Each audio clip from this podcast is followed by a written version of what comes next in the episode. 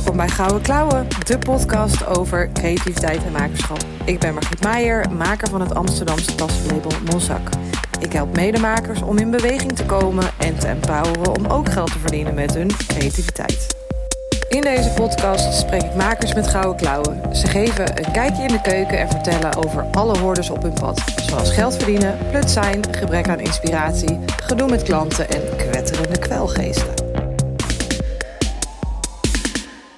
Welkom bij een tweede aflevering van Gouden Klauw, de podcast. Vandaag is Ruben te gast.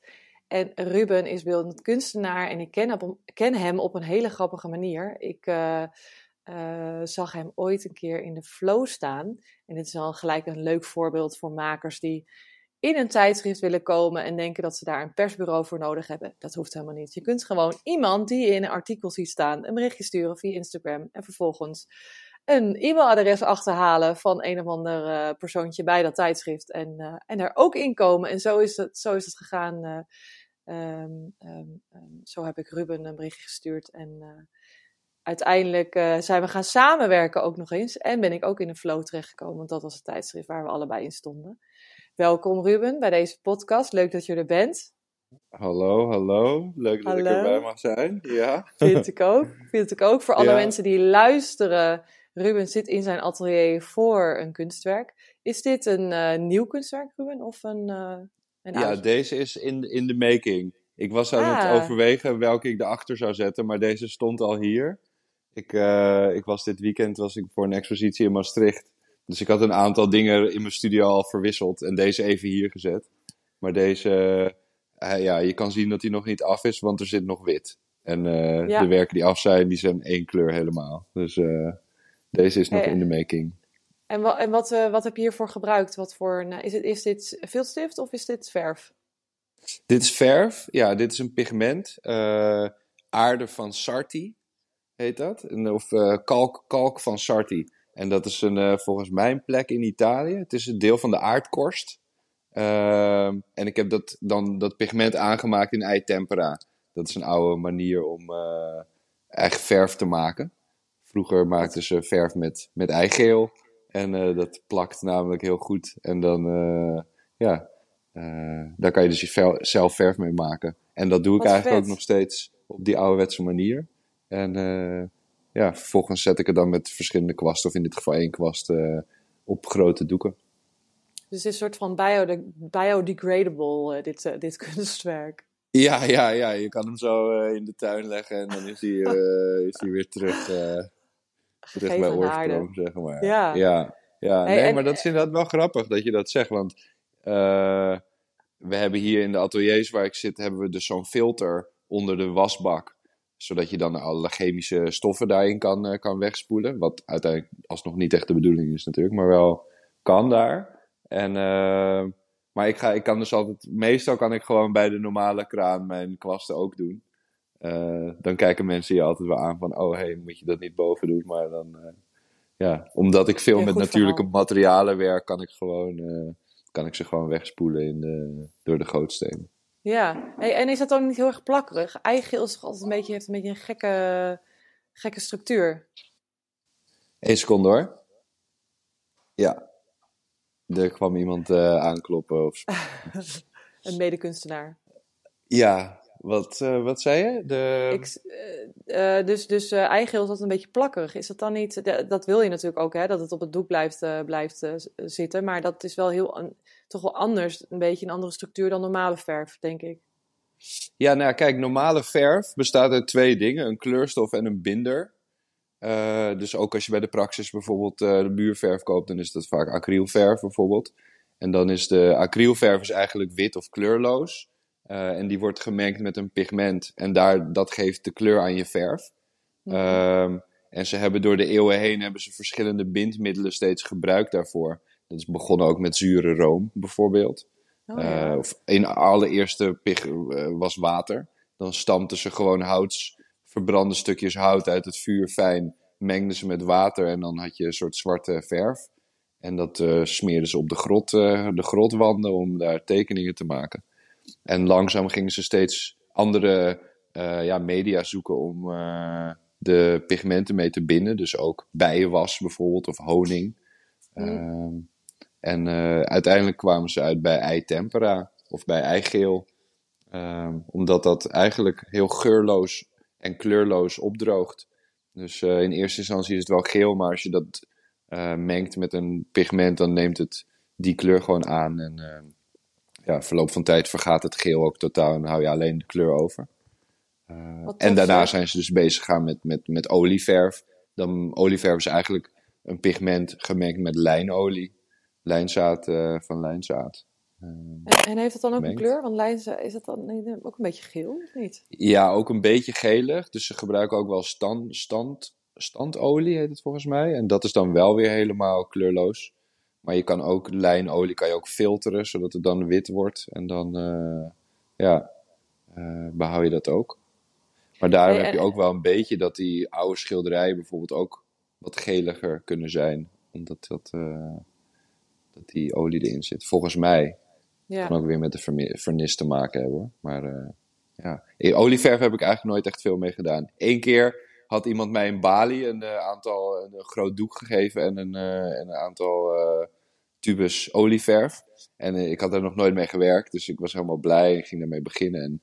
En zij vroeg later van, oh, en hoe ging dat? Dus ik zei, ja, het was wel heel snel op. Want ik, had dus gewoon, ik was gewoon op het doek gelijk gaan werken met, met die olieverf. Toen zei ze, oh ja, maar had je er dan wel een, een primer eerst op gedaan? Dus dat, dat, dat wist ik nog helemaal niet.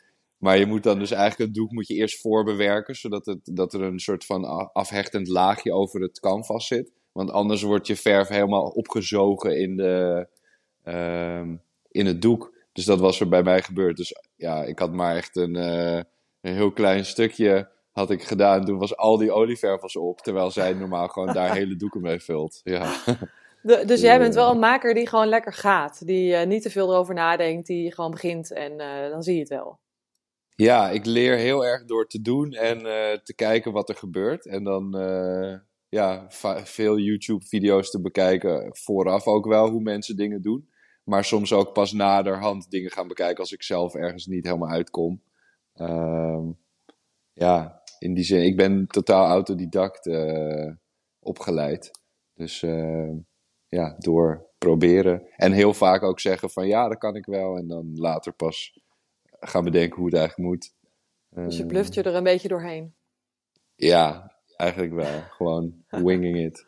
Maar tegelijkertijd leer, leer je dan langzaam ook wel steeds meer over bepaalde technieken. En uh, tegen de tijd dat ik een expositie doe, dan weet ik ook wel, weet ik ook wel waar ik het over heb. Vaak. Of in ieder geval, dat, dat probeer ik dan uh, voor mezelf in ieder geval dat gevoel te hebben. Uh, ja. Maar ik was bijvoorbeeld gisteren was ik op die expositie in Maastricht. En toen was er een man die is kleurentechnicus. Uh, dus die is eigenlijk, die heeft zijn hele leven in laboratoria altijd gewerkt. En kleuren uh, behandeld. En uh, die, die wist er weer zoveel meer van dan ik. Dat het, ja, je blijft in die zin nooit uitgeleerd. En dat zei hij ook weer. Van, want ik kon hem ook weer dingen over de kleuren vertellen die ik dan weer wist. En dus we waren zo lekker aan het nerden samen. En ja... Het is een eindeloze. Dat, ik weet niet hoe dat voor jou is, maar dat hele maakproces is sowieso iets wat zich constant blijft ontwikkelen, waarin je weer nieuwe vragen ook aan jezelf gaat stellen. En uh, dan weer bij iets nieuws terechtkomt, maar dan vanuit daar ook weer iets nieuws gaat uh, ondernemen. Ja, ik denk, denk, dat dat wel. Want wat voor opleiding heb jij gedaan? Ja, dus geen opleiding. Ah, je, je hebt helemaal geen kunstenaarsopleiding gedaan. Oké, dat scheelt. Want dan ben je niet, uh, heb je geen strenge stem in je achterhoofd die zegt dat je het nog steeds niet goed genoeg gedaan hebt. Nee, in ieder geval die stem is minder. het, zijn, het zijn niet vijf stemmen, zeg maar, van verschillende docenten of zo. Nee. Maar jij, jij hebt gewoon along the way ge, uh, geleerd. Want je, hey, je, hebt, er, je, hebt, uh, je hebt voor filmproducties en voor reclamebureaus gewerkt. Maar daarvoor ben je, ben je gewoon lekker zelf aan het maken, geslagen al van jongs af aan, volgens mij. Hoe, hoe, hoe ja. zag dat eruit vroeger? Nou ja, dat is eigenlijk. ik had het daar afgelopen week ook over met iemand. Dat ik denk elk kind wel leuk vindt om spelletjes te bedenken of te tekenen en te kleuren. En ik ben eigenlijk gewoon in die zin daar nooit mee gestopt. Uh, mijn ouders die waren allebei heel erg supportive naar de creativiteit ook toe, naar de kunst. Mijn moeder zelf kunstenares en mijn vader die was beeldend uh, docent. Dus ja, die gaf eigenlijk tekenles. dus ja, ik ben opgegroeid met een tafel met papier en potloden daarop al. Waaraan zij zelf ook dat aan het doen waren. Want dat mm. vonden zij natuurlijk ook gewoon leuk. Van nou, nu is het weekend, nu gaan we gewoon lekker uh, kleuren en tekenen. Um, dus in die zin heb ik wel een soort opleiding gehad. Maar dan door mijn ouders die, die zelf op, uh, kunstacademies hadden gedaan. Maar een hele ehm, belangrijke opleiding, denk ik. Van ga maar gewoon doen. En, en, uh, en je ziet wel wat er ontstaat. Zeker, ja. En voor mij was het ook wel heel kenmerkend of belangrijk, denk ik, dat zij werken die ik maakte ophingen en inlijsten. Waarbij je ook een soort erkenning kreeg van je hebt iets gemaakt. En het, doet ertoe of zo. Of uh, er mag aandacht naartoe gaan naar wat je hebt gemaakt. Mijn moeder bijvoorbeeld, die is opgegroeid in een gezin waar, dat, waar er van alles wat zij maakte werd gewoon weggegooid en gezegd, nou dat, uh, dat ziet er niet uit of zo. Dus wat dat betreft was er bij mij, ja, mijn vader was wel altijd een stuk kritischer op, op werken. Die zei zelden van wauw, wat mooi of zo. Want ja, die was natuurlijk uh, veel beter ook al. En, uh, of in ieder geval, had veel meer ervaring.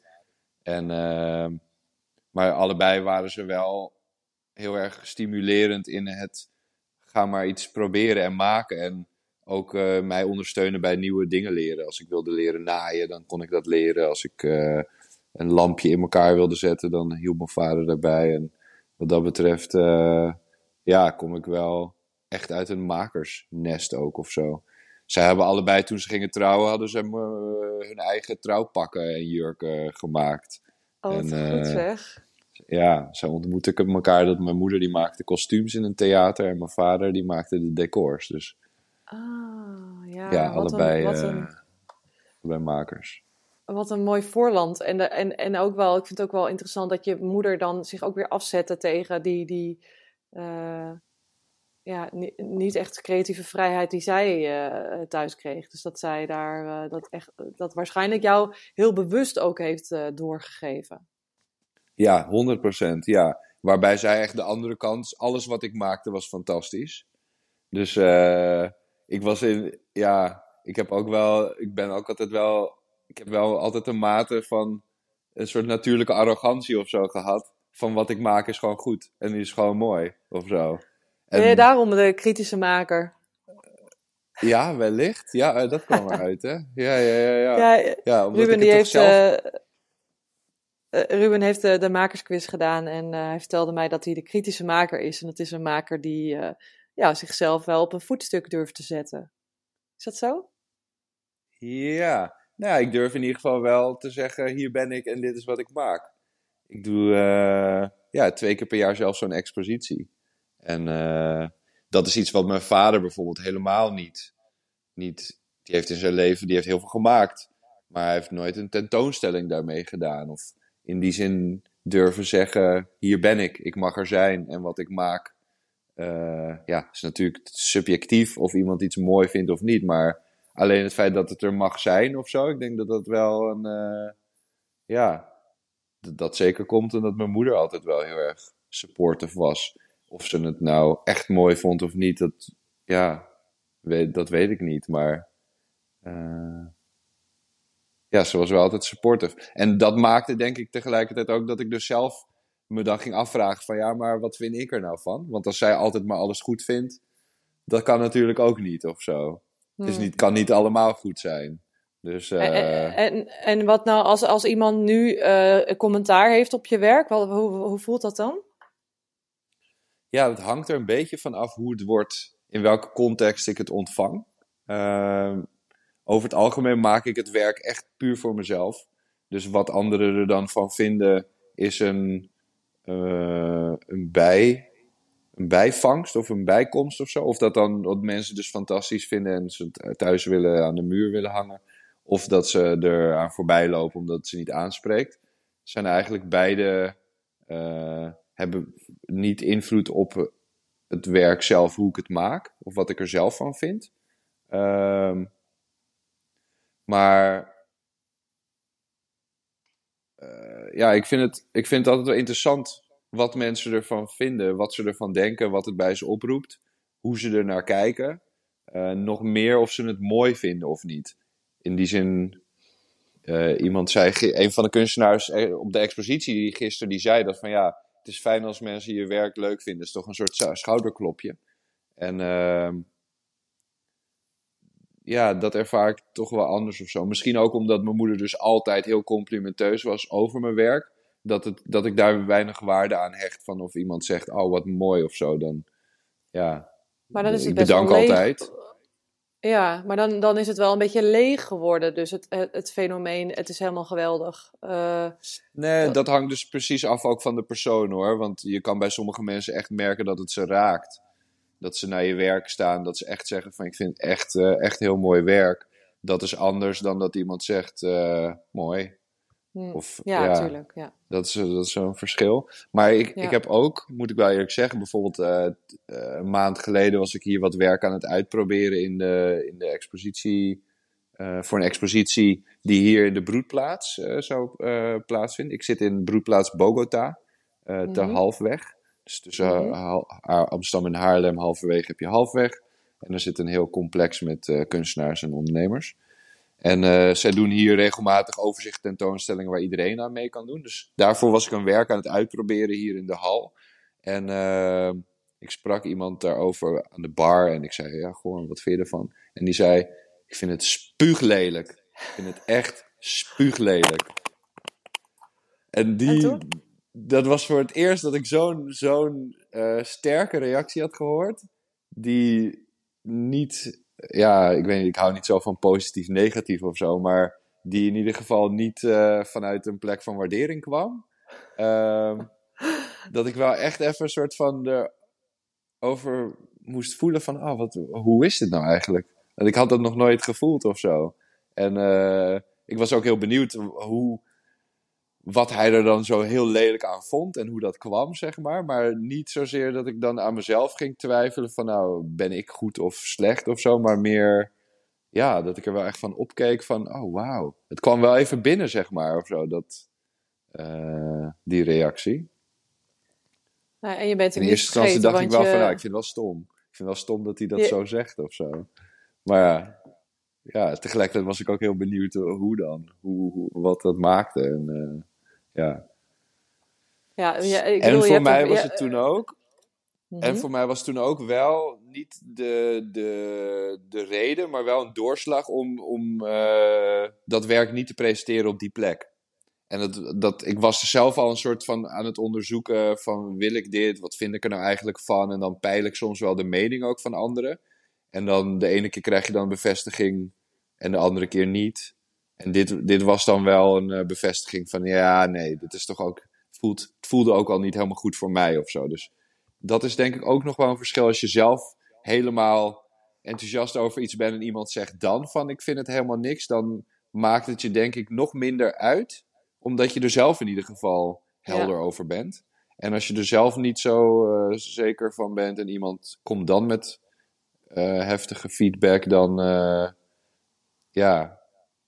Eh, hoe is dat voor jou bijvoorbeeld? Want als jij iets maakt, in het begin van zo'n creatief proces ben, je, ben ik altijd nog een beetje aan het, ja, iets moet nog groeien of zo.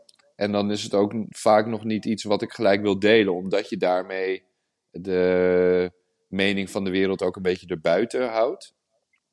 Totdat je het zelf of tot een bepaald punt hebt ontwikkeld waarop je denkt, nou, nu, nu kan ik het gaan delen. Heb jij dat ook? Ja, als je je er zeker genoeg, genoeg over voelt, bedoel je dan? Ja, of deel jij gewoon gelijk wat je hebt gemaakt, eh, al, al, is het iets totaal nieuw, iets eh, wat nog niet helemaal is uitgewerkt of zo. Nou, ik, ik, ik, ik, ben, ik ben niet een, een, ik ben een beetje een atypische maker, omdat ik ehm, niet, zo, niet zo vrij werk maak als jij. Dus dat, eh, daar, daar word ik niet per se blij van. Ik, voor mij is het meer de combinatie van alle dingen bij elkaar. Dus en het, en het, het werk, wat, de creatie die je maakt, maar dat kan iets tastbaar zijn, zoals een tas bijvoorbeeld. Eh, maar het kan ook eh, een, een landingspagina zijn of deze podcast zijn en hoe ik die dan in de wereld breng. Dus voor mij zit de creativiteit meer in hoe, eh, op wat voor een originele manier deel ik mijn ideeën. Mijn uitgewerkte Juist, ideeën ja, ja. Want Want, want dat, voor mij is dat creëren of creatie, is dat je, dat je een idee tot leven brengt en aan de wereld presenteert. Uh, want je kunt een idee hebben, maar dan niet, nog, nog geen werk van maken. Um, dus, maar het is wel zo dat ik, ik kan dan wel achteraf, als ik echt heel veel werk erin gestopt heb en ik krijg dan negatieve feedback, dan kan ik wel echt. Uh, dan, ja, dat, dat vind ik dan wel heel moeilijk, omdat ik er dan dus al zoveel energie in gestopt heb en uh, me ook hmm. wel daardoor persoonlijk ja, aangesproken voel. Dat, dat ik dan denk, ja shit, dat heb ik dan over het hoofd gezien. Of maar ik kan ook wel denken, van, ik kan ook wel denken, want het komt vaak van mensen die nog niet zoveel ervaring hebben met makerschap en ook niet met ondernemerschap, eigenlijk vooral het laatste. Die dan ook niet, voor mijn gevoel, helemaal doorhebben what it takes. Uh, En dat, dat is dan waar ik me dan een beetje ongezien in kan voelen. Of wat, wat eenzaam kan voelen als je al iets verder bent um, in je ondernemerschap. Dat, uh, dat het vaak feedback dan komt van mensen die nog, die nog maar net komen kijken en helemaal niet doorhebben ja, hoeveel werk je er al ingestopt hebt. Hmm.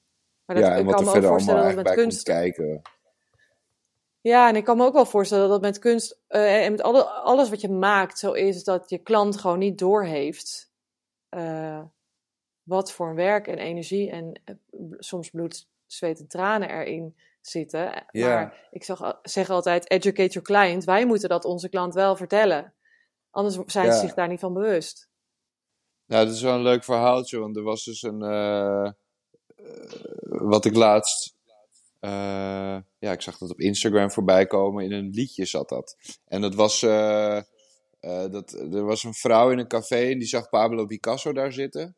En die liep naar hem toe en die zei: Goh, ja, ben jij de echte Pablo Picasso? Ja, ja, dat ben ik. En zou je van mij snel een, een, schets willen maken, een portret? Dus hij pakte een pen en een blaadje en maakte in twee minuten zo op, op, op, uh, prachtige schets van haar. En nou ja, toen zei hij: Alsjeblieft, dat is 2 miljoen euro. En waarop die vrouw zei van, oh, maar, maar hoe, hoe, je hebt het in twee minuten heb je dit uh, gemaakt en dan kost het zoveel, zoveel geld. En toen zei hij van ja, maar het heeft me wel 40 jaar gekost om dit in twee minuten te kunnen maken. Oh, jezus, ja, ja zo herkenbaar dit. En heb jij daarna je prijzen verhoogd? ja, ja, ja. Nou, ik vond het, ja, als je het hebt over uh, dat wat heel, wat heel onzichtbaar is voor mensen. Is, uh, Zeker ook als je naar mijn werk kijkt. Ik bedoel, ik teken viltstiften leeg op een papiertje. En, uh, of ik vul een heel doek. En dat is enerzijds, zeg maar, de kracht van mijn werk. Is dat het mij een hele, nou ja, twintig jaar heeft gekost, zeg maar, om bij zoiets simpels uit te komen. En er zelfverzekerd over te zijn. en tegelijkertijd wil ik ook echt de drempel verlagen voor mensen. En laten zien dat je niet uh, heel uh, technisch goed hoeft te kunnen te tekenen om tot een mooi of interessant beeld te komen. Of alleen al om er plezier aan te hebben. Ja. Ik denk dat dat nog wel voorop staat. Ja, en in jouw geval is het ook een soort. Want wij hebben samen een, een, een, een, eh, een soort etui-collectie gemaakt met, uh, met Van Wit Leer, waar, wat jij toen vervolgens hebt uh, bestift. Ja. Um, en, en toen heb ik jou dat live zien doen. Ja, het, is, het is alleen al, je zou er eigenlijk YouTube-video's van moeten maken. Want het is zo rustgevend om naar te kijken. En ik kan me voorstellen dat jij er zelf ook heel rustig van wordt. Um, nou ja, dat schilderij achter jou is ook zo. Het is gewoon echt monnikenwerk. Uh, maar wel supergoed voor je hersenen, lijkt mij. Ja, ik vind het echt. Ik, ik word ook echt gek als ik niet dit werk maak, zeg maar. Ik ga heel snel door het leven en uh, ik beweeg, uh, ik onderneem heel veel en ben heel actief. Dus dit is ook wel echt iets. Uh, it slows me down.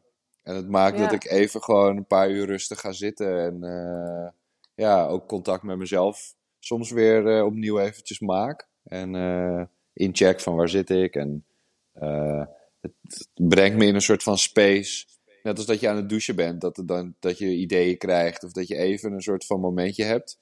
Uh, douche ik eigenlijk gewoon zo twee, drie uur achter elkaar uh, tijdens het werk, zeg maar. Ja. ja. Mijn mentale douche is dit. Ja, oh, maar dat, gun- dat gun je toch iedereen? Dat is ook waarom ik zo graag het, het heb over creativiteit of inspiratie of gewoon eh, met je handen bezig, bezig gaan. Want, want met je handen bezig gaan zorgt dat je uit je hoofd gaat. Wat we zo hard nodig hebben in deze tijd. En uit je hoofd gaan zorgt weer, echt niet, na, niet nadenken over dagelijkse shit, dat je weer eh, ja, tot nieuwe inzichten komt. Dat dingen in, in je vallen die je, Ja. niet, die je niet verwacht. Ja, dat. Ja, het is, ik, ik, ik, ik zie het in die zin niet eens als niet in je hoofd zitten. Want ik ben wel degelijk aan het nadenken en dingen aan het verwerken als ik met mijn werk bezig ben. Maar er is een soort van ruimte. Je creëert een soort ruimte waarin alles er even kan zijn. En je gedachten voorbij kunnen komen. Eh, en ik denk dat, ja, ik lees zelf niet, maar ik denk dat het in die zin ook wel vergelijkbaar is met als je leest. Dat er dan, eh, dat dat ook een soort van rustig, eh, rust geeft of zo. Om, ja, een moment te maken waarop je even niet iets doet per se. Ondanks dat je wel iets aan het doen bent. Eh, Ja. Dat dat een heel, eh, ja, voor mij is dat in ieder geval een hele goede, goede balans eh, die er dan ontstaat. Ik merk dat ook echt als ik een paar dagen dan niet in de studio ben geweest of met andere dingen druk ben, dat ik, ja, dat ik het wel echt mis. Dat ik ook een beetje vol, vol begin te lopen of zo. En dat het er weer even, ja, misschien niet eruit moet, maar dat het weer opnieuw ge, gecalibreerd, eh gedeven. Vroeger had ik op Windows had je zo'n eh, zo'n zo'n knopje of zo'n soort van programmaatje dat heette volgens mij defibrilleren of zo of de de Shock geven aan je computer. deconfigureren. En dan, eh, dan ging je alles, alle files die zo allemaal door elkaar zaten, zeg maar, die ging je dan een soort van ordenen van, oh, dit zijn allemaal plaatjes en dit is geluid en dit zijn programma's. Weet je wat ik bedoel? Dat, eh, ja, ja, ja, ja, En dan, ja. dat gebeurt er eigenlijk ook een soort van in mijn hoofd. Als ik dus aan, met mijn werk bezig ben, dan valt alles langzaam, kan het even rustig op zijn plek vallen. En dan vanuit daar kan je weer eh, ja, helder nadenken. En vanuit, ja, vanuit een andere plek weer de wereld instappen of zo. Een soort rebooten eigenlijk. Ja, Is het een soort reboot? ja, een soort van herordenen. Ja, ja. Ja.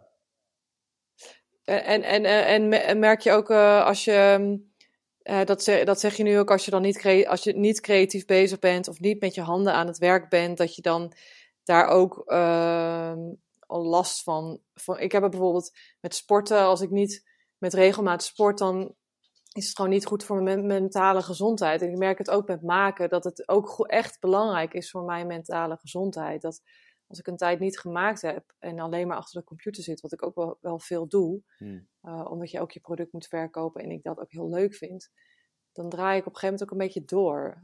Herken je dat ook? Ja, ja, zeker. En wat denk je dan dat het is aan het maken? Dat je, wat, wat haal je daaruit? Ja, ik denk dat het, dat het eh, sowieso niet naar een scherm kijken is. Want op zich maak ik ook dingen achter de computer. eh, of op zich, ik maak ook dingen achter de computer. Ik ontwikkel dingen, ik maak nieuwe dingen. Ehm, maar het is meer iets wat door je handen heen gaat. En dat je niet stil zit, dus dat je in beweging bent. En, en, het, en het gevoel dat je, eh, het voldane gevoel dat als je klaar bent, dat, dat vind ik zo leuk aan een tas maken, is dat je heel snel eh, resultaat ziet. En helemaal omdat ik net als Picasso al heel, al heel lang eh, die, die tassen maak en, eh, en, en dat heel snel kan.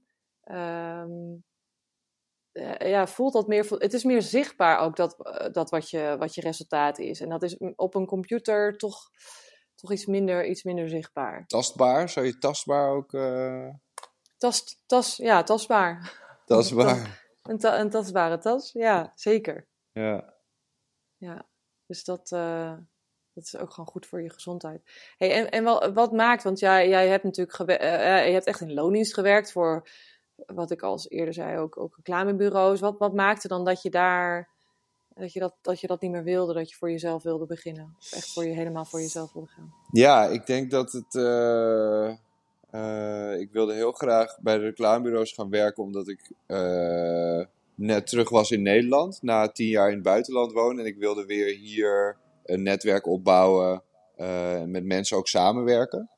Ehm, en ik wilde heel graag meer leren over art direction en hoe ik creatieve concepten goed uit kon werken en kon presenteren. Ehm, dat, was, dat was een soort van mijn interesse, meer dan het hebben van een salaris of, of, of, of een, een baan in die zin. En uh, op een gegeven moment merkte ik dat ik daarin uh, ja, de autonomiteit ook wel miste. Uh, in dat je, als ik, als ik een idee had van nou, dit lijkt me heel leuk uh, om te gaan maken, om het dan gewoon gelijk te gaan doen. Dat er, dat er een aantal lagen tussen zaten. En natuurlijk omdat je er aan samenwerkt met meerdere mensen, vindt iedereen het ook leuk om er een mening over te geven en over, over mee te denken. En ik miste in die zin de, de, de uh, korte schakel in de keten of zo van idee, uitvoering, idee, uitvoering. Um, en ja, daardoor kon die energie bij mij niet goed stromen. Um, ondanks dat ik het ook wel echt tof werk vond, zeg maar, om creatief na te denken. Uh, voor klanten en merken. En te zien wat er dan vanuit jezelf, uh, wat voor aanvulling jij eraan kon brengen om het op een andere manier te presenteren. Was wel echt uh, ja, heel uitdagend, creatief in die zin. Alleen ik miste op een gegeven moment de autonomiteit daarin. En wilde zelf kunnen beslissen uh, wat ik wilde maken. Op welk... Ook iets wat je vanuit huis natuurlijk meekreeg. Dat je, dat je, je kon gewoon maken wat je wilde. Juist. Ja, het hoefde nergens aan te voldoen behalve mijn eigen plezier. Ja. En dat is ja. natuurlijk in, in, uh, ja, in, als je voor, ik denk sowieso wel als je voor, voor klanten werkt of uh, ja, voor in opdracht werkt van iemand, dat je altijd aan het kijken bent naar hoe kan ik het voor mezelf zo leuk mogelijk wel maken, maar hoe kan ik de, de klant dienen of de, degene, de opdrachtgever, zeg maar, verder helpen met zijn of haar wens. Waarbij als je het voor jezelf maakt, dan is eigenlijk dus de vraag, gaat naar jou toe van uh, waar heb jij zelf zin in? Waar wil jij heen? Uh, en hoe kan je daar zelf aan bijdragen, zeg maar. En, en werk, je, werk, je, werk je wel eens een opdracht nu? Bijna niet meer, nee. nee. Ik, heb, uh, ik heb nog een paar dagjes die ik zo nu en dan voor, voor het, dat reclamebureau doe, waar ik ook voor heb gewerkt. Die, ja. Uh, ja, die hebben zo nu dan nog een klus die ze, waarbij ze bij mij komen. Uh, maar over het algemeen heb ik ja, ook bij hun wel aangegeven van dat mijn hart daar niet meer ligt. En dat ik ja, in die zin de energie die ik heb gewoon wil zoveel mogelijk wil gebruiken voor wat ik of eigenlijk alleen maar wil gebruiken voor dingen waar ik heel erg enthousiast over word en van aanga omdat ik op die manier toch ook, denk ik, het beste, uh, ja, vrolijkste mens ben. En ja. dat kan delen met de wereld. Ja, eh, maar is het dan wel zo dat je, want dat is natuurlijk een super mooi streven en wat een luxe als je daar uh, uh, vooral daarin kan leven. Maar um, en je moet natuurlijk ook gewoon je huur betalen. Ja. En dat, dat, is dat dan, kun je dat dan opzij zetten, dat gevoel van shit, ik, ik word hier eigenlijk niet gelukkig van, maar het betaalt wel de rekeningen en het zorgt ook weer dat ik daarna in vrijheid weer kan werken omdat ik mijn huur weer heb betaald? Ja, ik vind dat dus echt heel erg lastig. Ik kan dat heel slecht scheiden in mijn hoofd. Omdat ik eigenlijk, ja, alles wat ik doe, dat doe ik gewoon met, met mijn volle ik of zo. Dus uh, ik kan, ja, ik vind het heel lastig om te denken, nou, ik ga een paar dagen dit doen, vind ik eigenlijk niet zo leuk. Want dan kan ik weer dat doen. Uh, en ja, leef nu eigenlijk veel meer vanuit op het vertrouwen dat als ik doe wat ik het beste kan, of in ieder geval wat ik het leukst vind en waar ik het meest zin in heb, dat ik op die manier ook gedragen word, soort van door de rest van de wereld om dat ja. te kunnen blijven doen. En, uh, maar dat is wel ook een heel uitdagende manier van, uh, van het doen. Je loopt de hele Echt een mindset. Ja. Dan. Ja, en die wordt eigenlijk altijd weer uitgedaagd. En dan kom je weer op een punt waarop je die keuze moet maken van ga ik nu voor de zekerheid en het geld of ga ik nu voor uh, het levende gevoel. En, uh, ja, en in hoeverre uh, gaan die ook haak staan op elkaar. Als je zeg maar, ik kan me voorstellen dat als je echt helemaal je hypotheek niet kan betalen en eh, je hebt tien belastingbrieven die nog betaald moeten worden. Verstopt. Ja, dat, dat je dan ook echt heel lastig nog van het leven kan genieten en helder kan blijven in je maakproces of zo. Maar eh, ja, ik ja, ik ben nu wel bijvoorbeeld echt op. eh, nu heb ik echt eventjes geen cent te makken, zeg maar. En ik moet een aantal rekeningen betalen. En ik weet niet waar het volgende eh, bedrag weer van gaat binnenkomen. Dus dat is altijd wel een heel spannend moment. En ja, het enige wat ik dan eigenlijk voor mijn gevoel kan doen, is werk maken. En dat delen. En, en ook gewoon open zijn daarin. Van ja, nu heb ik ook gewoon even Ja. helemaal niks. En eh, ja, En, en vraag je dan wel eens om, vraag je dan het universum wel eens om hulp? Ja, ik geloof in die zin niet dat er eh, dat dat per se helpt. Als in van dat je iets vraagt en dan gelijk iets krijgt. Maar eh, wel dat ik die intentie of zo eruit zet van ja, het zou nu wel heel fijn zijn om iets, om weer iets, eh, dat er weer iets terugkomt of zo. Ja, Uh, dat Ja. dat uit te spreken als een soort wens die ik heb. Uh, Maar ja, ja, soms wel hoor. Dan zeg ik wel van, nou, goh, nou nu, nu zou ik het wel echt heel fijn vinden om, om weer 2000 euro te verdienen met een, Ja. met een project. Zo. Ja. Dat nu ineens iets komt. En dat komt dan eigenlijk, of dat komt dan inderdaad ook, of dat komt dan dus helemaal niet, maar dan komt er iets totaal anders op, je, op, Ja. op mijn pad. ja. Herken je dat? Ja, zeker, zeker. Dat is wat ik, wat ik eerder ook al zei. Ik weet niet of we toen aan het opnemen waren, maar eh, dat het toch altijd anders loopt eh, dan dat je in je hoofd had. Dat ik, eh, dat ik van tevoren, bijvoorbeeld, we hadden het over de podcast en dat ik het spannend vind om daarmee te starten. En dat je het van tevoren helemaal aan kannen en kruiken kan hebben. En heel script, bladibla. Maar het loopt toch altijd anders dan je, dan je verwacht. Dus je kunt maar beter gewoon blanco erin stappen. En, en vertrouwen op jou en de mensen om je heen. Dat het, dat het met de beste bedoelingen altijd wel goed komt. En dat je altijd toch wel weer op een ander spoortje terechtkomt dan dat je had verwacht. Ja. Ehm, maar het, het, is, het is inderdaad vooral het vertrouwen blijven hebben. Dat, dat blijft wel, vind ik wel, een uitdaging. Ik zit natuurlijk nu echt tussen twee een transitie van een bedrijf wat ik al heel lang heb naar een nieuw bedrijf. En, en balans daarin vinden van hoe, hoe uh, verdien ik uit beide genoeg geld om alle rekeningen te kunnen betalen. Ja. Um, en, en dat je dan echt dagelijks moet trainen met in vertrouwen blijven. Geloven dat wat jij doet belangrijk is. Geloven dat je een verschil maakt. Uh, Hoe doe je dat geloven? Want is dat, zijn dat een soort mantra's die je dan voor jezelf uitspreekt? Of, uh... Uh, kan, dat kan. Maar het is, het is ook een gevoel. Een soort vertrouwen. Dat je echt dat.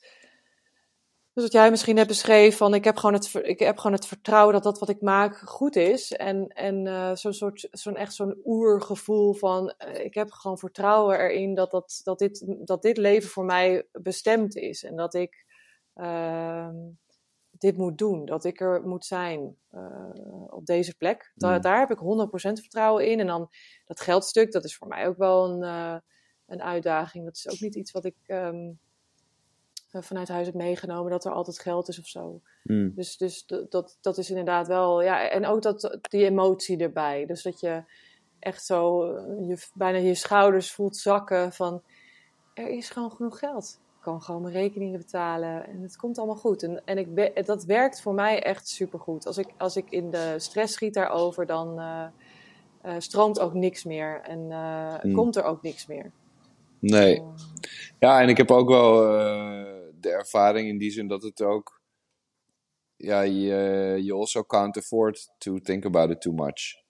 Nee. Zeg maar. Alle tijd en energie die je stopt in zorgen maken, die kan ook toegaan naar een e-mail sturen of een, uh, weer een nieuwe tas maken of een, in mijn geval een nieuwe tekening maken. Ja, en, ja in, actie, in actie blijven. Ja, ja in actie blijven, blijven, maar niet vanuit een stress, maar gewoon vanuit nee. inderdaad toch een vertrouwen van dit voelt goed. Want anders zit je ook maar eindeloos een e-mail te typen die, die ja, ook niet prettig aanvoelt of zo. Nee, zeker. Daar zit dan echt, daar zit dan die, die, die energie van tekort. Zit daar, kun je dan door de regels heen, uh, Juist. heen lezen. Ja, dan staat er eigenlijk help me, zeg maar. Ja, ja heel groot. Heel groot, ja. ik, uh, ik, het lukt me niet. Ja, ja. ja. Maar ik, ik, hoor wel heel veel, en dat, dat zal je dan misschien ook herkennen, heel veel makers uh, zeggen dat, dat, dat die, die, die, of die, um, die geldzorgen, die, die stress, uh, je, hebt, je hebt gekozen voor dat, voor dat creatieve leven. Um, het levert minder op dan dat je eigenlijk had gehoopt.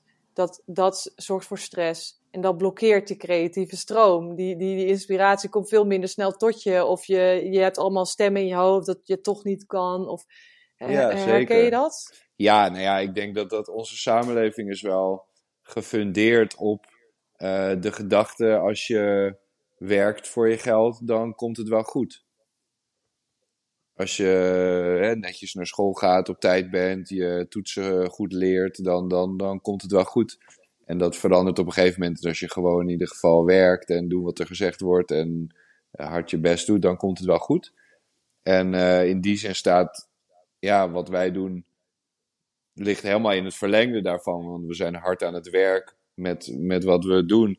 Maar het komt niet, in ieder geval bij mij komt het niet vanuit de plek dat het moet. Het is echt puur een keuze die ik zelf maak.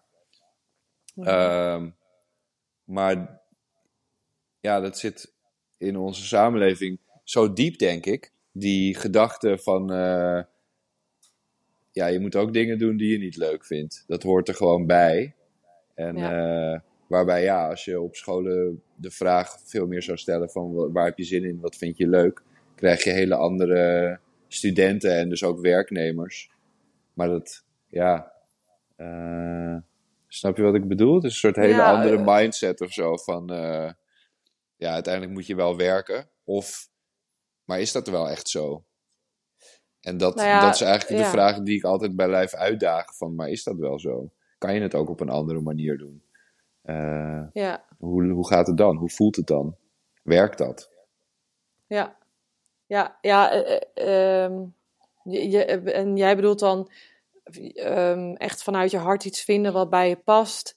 Wat niet per se iets is wat misschien je, waar je in opgeleid bent, omdat je dacht: oh, ik, moet een, eh, ik heb, ben HBO of ik ben VWO gedaan, dan moet ik automatisch universiteit gaan doen. En dan ga ik wel iets studeren wat mijn ouders in, in hun hoofd hebben. En dan kom je uiteindelijk uh, ergens vastgelopen, uh, gefrustreerd erachter dat je eigenlijk eigenlijk al vanaf jongs af aan misschien wel met je handen had willen werken, maar je altijd is verteld dat je daar je geld niet mee gaat verdienen. Ja, precies, ja. En zo heb je, zo zijn die, die nuances zijn natuurlijk heel verschillend, denk ik. Van, dat kan in iets heel kleins zitten van iemand die, uh, die vijf dagen per week voor zichzelf werkt, maar één dag toch nog iets anders erbij doet, omdat hij het gevoel heeft dat het anders niet lukt of zo. Ja. En dan. Ja. Uh, ja, dan zou je kunnen zeggen, globaal gezien, van nou wauw, iemand die doet vijf dagen lang wat hij leuk vindt en hij hoeft maar één dag te quote-unquote werken. En dan, ja. mijn uitdaging is dan toch van, oké, wat gebeurt er als die ene dag ook uh, daarmee stopt? Wat, uh, uh, ja, wat dat, gebeurt er dan? Ja, dat, en dat is een heel, dat, en dat, die, die vrijheid of die, die, die ballen, die heb jij, omdat je denk ik vanuit huis hebt meegekregen, ga maar gewoon.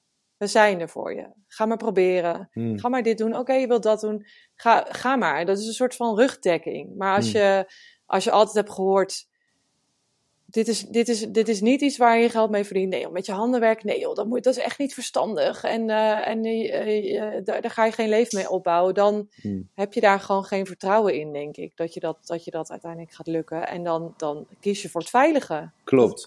ja, en in die zin, ik denk dat dat wel echt iets is wat ik van mijn moeder heb ge, geleerd. Uh, die heeft dan wel bijvoorbeeld altijd een uitkering vroeger gehad. En die, die maakte altijd haar dingen. Die wilde er altijd thuis voor mij zijn als ik uit school kwam. En in die zin echt kwalitatief moederschap bieden, zeg maar. Uh, maar was wel altijd echt heel erg, uh, ja, heel erg arm, zeg maar. We hadden echt van weinig geld. En uh, ja. Uh, ja, altijd bij de tweedehands winkel kleding halen. En dan uh, ja, in die zin. Maar zij, zij was wel altijd ervoor voor doe wat goed voelt of zo. Ja. En uh, doe het anders niet. Waarbij mijn vader wel mijn creativiteit altijd stimuleerde.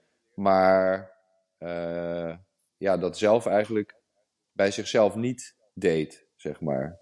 Dus hij, ja, hij is nu pas, is hij weer echt als autonoom kunstenaar meer werk aan het maken. En mag hij in die zin veel meer dan alleen de, de kerstkaart aan het eind van het jaar ontwerpen, zeg maar. En, uh, ja.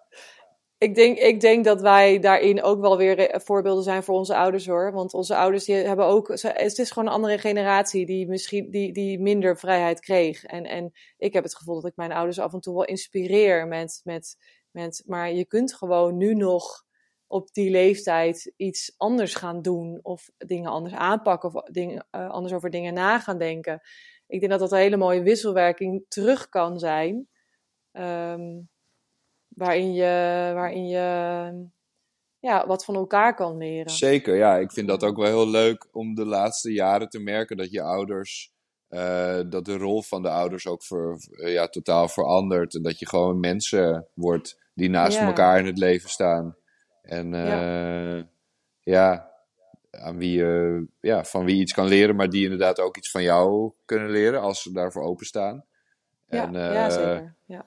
Maar die, die rol van ouders, dat die, ja, dat je, het moment dat je ouders mensen worden, zeg maar. Ik denk dat dat wel een mooi, uh, mooi is als je dat allebei van, ja, als dat wederzijds uh, ja. ervaring is, zeg maar. Ja. ja. Hey, en ik ben tot slot nog even nieuwsgierig naar jouw kwetterende kwelgeesten. Zijn er stemmen in jou die, die niet zo aardig voor je zijn als jij denkt, nou, dit werk is wel mooi af of zit dat geld? Heb, jij, heb jij dat soort kritische stemmen in je? Ehm, nee, of in ieder geval, ik, die, daar, daar besteed ik niet heel veel aandacht aan. Ik zie ze dan meer opkomen en dan vraag ik me meer af met een soort van helikopterview van ah, wat maakt dat ik nu twijfel aan mezelf. In plaats dat ik met de twijfel meega en erin ga zitten. in ieder geval als het op mijn werk aankomt gaat het bij mij veel meer om in een bepaald gevoel komen en vanuit daar werk maken. Um, en dan voelt gewoon goed. En wat er dan uitkomt, maakt dan ook niet uit. Dat is dan gewoon de uitkomst van een prettige uh, sessie van schilderen. Prettige samenwerking met je idee. Juist, ja. En het materiaal en de canvas en de muziek die eraan staat. En uh, mijn moeder die vroeg dat laatst ook, die was hier in het atelier en die zei van ja, zit er dan ook wel eens iets tussen die wat, wat mislukt is of zo? En uh, ja, toen zei ik ook van het enige wat kan mislukken is als ik niet geniet van het moment zelf, dat ik het aan het maken ben. Dat is eigenlijk het enige wat er mis kan gaan aan het werk. En dan, uh, dan kan iets er namelijk nog steeds mooi uitzien of zo, maar dan was je er eigenlijk niet echt bij of zo. Of, ja, ja dan, dan voel, je, voel je het minder of zo. Maar zou het dan kunnen dat je dan in zo'n state of mind was dat je dus uh, eigenlijk al een beetje vol zat of zo? Dat je uh, dus niet echt bewust kon maken omdat je nog andere dingen moest verwerken, omdat je een tijd, niet, tijd niet had gemaakt? Ja. Waar we het eerder over hadden? Ja, bijvoorbeeld. Wat bedoel je precies? Nou, net zei je van uh, soms dan ben, levensdruk, gehaast van hot naar her, druk sociaal leven, ik ben ondernemend. En dan moet ik, moet ik wel met regelmaat kunst maken of creatief bezig zijn, omdat ik dan ook weer mijn hoofd kan leegmaken. Hmm. Um, kan het dan zijn dat je er minder van geniet als je hoofd nog een beetje vol zit? Ja, dan kan het wat langer duren voordat je weer in die flow zit of zo. Ja. Ja, dat, dat, dat, dat ook. Dan kost het inderdaad ook meer tijd, het werk maken. Ja, dat is, in die zin is dat ook met sporten of zo. Van soms om er even in te komen, dat duurt even tien minuutjes of zo. Maar dan, ja, als je helemaal aan het boksen bent bijvoorbeeld, dan ga je daar gewoon helemaal in op. En dan gaat de tijd ook gewoon heel uh, ja, aan je voorbij. Tot op een gegeven moment dan de sessie voorbij is. En dan denk je, oh oké, okay, nice. Nou, dat, uh, dat was alweer... Uh, bij mij is dan het, het ei op. Dus dan ga ik weer, uh, kan ik weer of een nieuw ei aanbreken of naar huis gaan. Uh, of uh, ja. Maar bij, bij een sportles geeft de instructeur, heb je wel een instructeur die jou aanhoudt. En, en, en als jij alleen aan het werk bent, dan moet je dat wel zelf doen. Maar daar heb jij dus geen probleem Nee, ik sport dus ook zelf. Oh ja, ja. Ik doe gewoon zelf, ik ga zelf naar een bokszak toe, uh, die van uh, Boogie Land in Noord. Ja, die uh, ja, die hebben overal die zakken opgehangen. En ja, ik ga gewoon zelf bij zo'n zak staan en dan gewoon trainen. En dan, eh, ja, in het begin moet je even een beetje erin komen, maar dan kom je daar gewoon helemaal in in zo'n sessie. Ja. Leuk, leuk. Ik, eh, ik eh, vind het heel fijn om eventjes in jouw eh, maker, makers mind te hebben mogen kijken. Ja, Met eh eigeel op de achtergrond. Eh, en, ja, lekker in het zonnetje voor de mensen die kijken. ja. heb je niet nog meer vragen? Nog één laatste? Ja, nog heel veel, nog heel veel vragen, maar het, eh, de tijd is om, joh. Nou, de laatste vraag, want je hebt een nieuwe, je, je gaat weer met sti- viltstiften bezig. Of je bent alweer met viltstiften bezig. Ja, klopt. Een nieuwe collectie. Ja, ja ik ben begonnen twee jaar geleden met de vraag hoeveel inkt zit er eigenlijk in een viltstift. En die ben ik eh, gaan uittesten door 100 stiften helemaal leeg te tekenen, één voor één. En erachter te komen hoeveel erin zit. Eh, en toen ik dat proces begon, toen was ik eigenlijk gewoon een viltstift aan het leegtekenen. En gaandeweg vroeg ik me af hoeveel zit er eigenlijk in. Dat ben ik toen Mhm. gaan uittesten. En ik ben nu weer teruggegaan naar het gewoon puur leegtekenen van een stift. Eh, waarbij het dus niet draait om hoeveel inkt erin zit, maar om het vellen, het vullen van het vel. Eh, en dat op een intuïtieve manier eh, laten ontstaan. En eh, Dus het- daar, ja, daar Dus er zit geen beperking nu aan het vel, aan het vel, de velafmeting. Want dat had je toen wel. Je had het volgens mij precies uitgerekend van oké, dan is het zo'n vel, want dan ben, eindig ik helemaal wit. Toch? Oh, nee, nee, nee, nee. De vellen waren eigenlijk altijd gewoon 30 bij 30. Dus, dan, want ik heb zo'n vierkant tekenboek, wat ik ja, ook handig mee kan nemen op locatie. Mhm. En eh naar aanleiding van hoeveel vellen zo'n stift kon vullen, was hij ja, eh, beter of slechter of zo. Of in ieder geval, ja, ik gaf geen oordeel per se aan deze stift is goed of niet goed. Maar Mhm. was meer gewoon benieuwd hoeveel inkt erin zat. En ehm, dus nee, het was niet een vooraf bedachte maat. Eh, wel een voorbedacht idee. Van ik begin linksboven en ik eindig rechtsonder. En dan langzaam ontstaat er een overgang. En dat heb ik nu losgelaten. En het is gewoon nu puur. eh, eigenlijk kleur ik het hele vel in. Zonder dat er eh, een soort inkleuren. Leuk. Heel leuk. En dat werk kunnen wij zien op jouw Instagram, toch? Ja, ja die, eh, die deel ik daar regelmatig. Ik heb nu wat reels ben ik aan het maken. Van dat ik ze, ja, dat ik ze, ze Ja. leeg teken en dat, eh, dat post. Ja. En eh, ja, dat, eh, Leuk. Nou, daar eh, ga ik heel goed op. nou, wij misschien ook, want dan worden wij weer rustig van, jou, eh, van jouw reels. Absoluut, dat is zeker één, één stimulatie die ik, eh, die ik voor de, de, de luisteraars eh, kan meegeven. Is pak een pen of een stift en vul een heel A4'tje gewoon. Kijk, Oh, kijk, kijk hoe het idee. voelt. Ja. Ja, en dan, en dan even posten en dan hashtag Color Ruben eh, erbij. Juist, tag mij erin, Color Ruben. Ja. En dan Leuk. gaan we hem delen. Cool. Hey, dankjewel. En eh, nou, eh, eh, ehm, tot voor iedereen die erbij was, die heeft geluisterd, tot de, tot de volgende keer.